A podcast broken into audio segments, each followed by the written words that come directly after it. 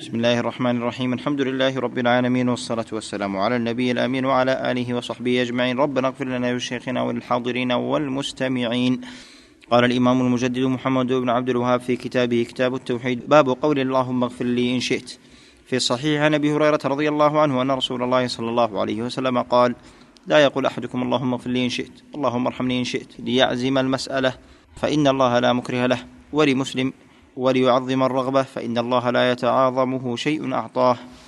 بسم الله الرحمن الرحيم الحمد لله رب العالمين صلى الله وسلم وبارك على نبينا محمد وعلى آله وأصحابه أجمعين. وهذا من الآداب التي ينبغي للمسلم أن يعنى بها في دعائه وعبادته لله تعالى ألا يستثني في دعائه لا في دعائه لنفسه ولا لغيره على الصحيح.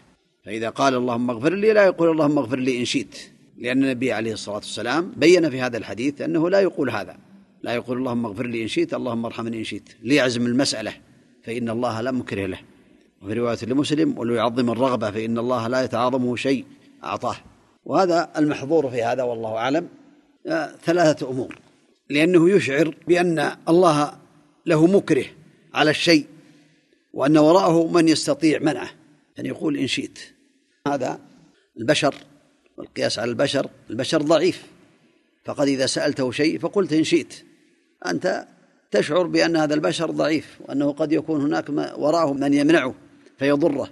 ولهذا هذا لا يليق بالله تعالى وإنما هو يليق بالإنسان الضعيف. كذلك يشعر كأنه يرى أن هذا الأمر عظيم على الله. فالبشر ولله المثل الأعلى إذا سئل الشيء يخشى أن يكون هذا الشيء عظيم عليه لا يقدر فيه لا يستطيعه ما عنده لا يمنعه أحد لكن ما يستطيعه ما عنده استطاعة. ولهذا قيده بما شئت إن شئت أعطني كذا. تخشى أن يكون عليه مشقة أو لا يستطيع. أما ربنا عز وجل فهو القادر على كل شيء. إنما أمره إذا أراد شيئا أن يقول له كن فيكون. كذلك الأمر الثالث يشعر بأن الطالب مستغن عن الله. كان يقول يا فلان أعطني. إن شئت. فافعل وإن شئت فلا تفعل. آه كله عندي واحد ما يضرني. إن شئت أعطني وإن شئت لا تعطيني. أنا لا مستغن عنك. ها؟ لا. الله تبارك وتعالى ما يستغني العبد. ولهذا في الرواية الأخرى ليعظم الرغبة فإن الله لا يتعاظم شيء أعطاه. وذكر كذلك بعض أهل العلم أنه يدخل في ذلك كذلك الدعاء للناس. يعني اللهم اغفر له إن شئت اللهم ارحمه شئت. ينبغي أن يجزم في كل شيء ولا يقول إن شئت اللهم اغفر لفلان إن شئت قل اللهم اغفر له اللهم ارحمه غفر الله لك إن شاء لا اللهم اغفر له يجزم المسألة فإن الله لا مكره له.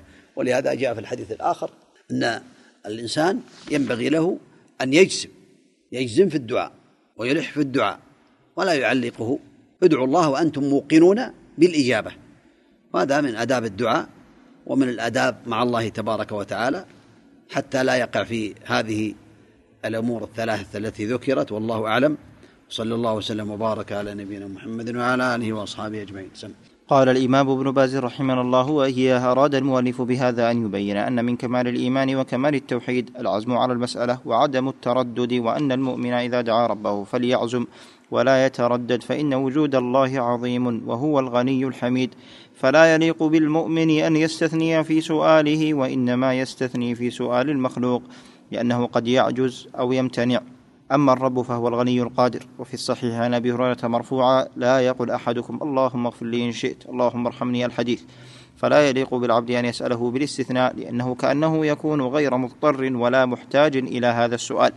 والواجب العزم فإن الله لا مكره له وليس بعاجز ولمسلم وليعظم الرغبة فإن الله لا يتعاظمه شيء أعطاه بل هو الله تعالى العظيم الشأن الغني الحميد وكل شيء يعطيه عباده فهو عنده قليلة يسيرة وإن أعطاهم شيئا عظيما سبحانه وتعالى. فعلى المؤمن أن يكون شديد الرغبة فيما عند الله شديد التعلق بالله شديد اللجوء والانكسار وأن يسأله سؤال الراغب المضطر. ولا يستثني. وكذلك إذا دعا لإخوانه لا يقول غفر الله لك إن شئت أو رحمك إن شاء الله. بل يجزم ولا يقول إن شاء الله ولو تبركا فلا يستثني أبدا. ولا يقول اللهم اغفر لي إن شئت. انتهى كلامه رحمنا الله وإياه. نسأل الله عز وجل لنا ولكم العلم النافع والعمل الصالح. التوفيق لما يحبه الله. صلى الله وسلم وبارك على نبينا محمد وعلى آله وأصحابه أجمعين.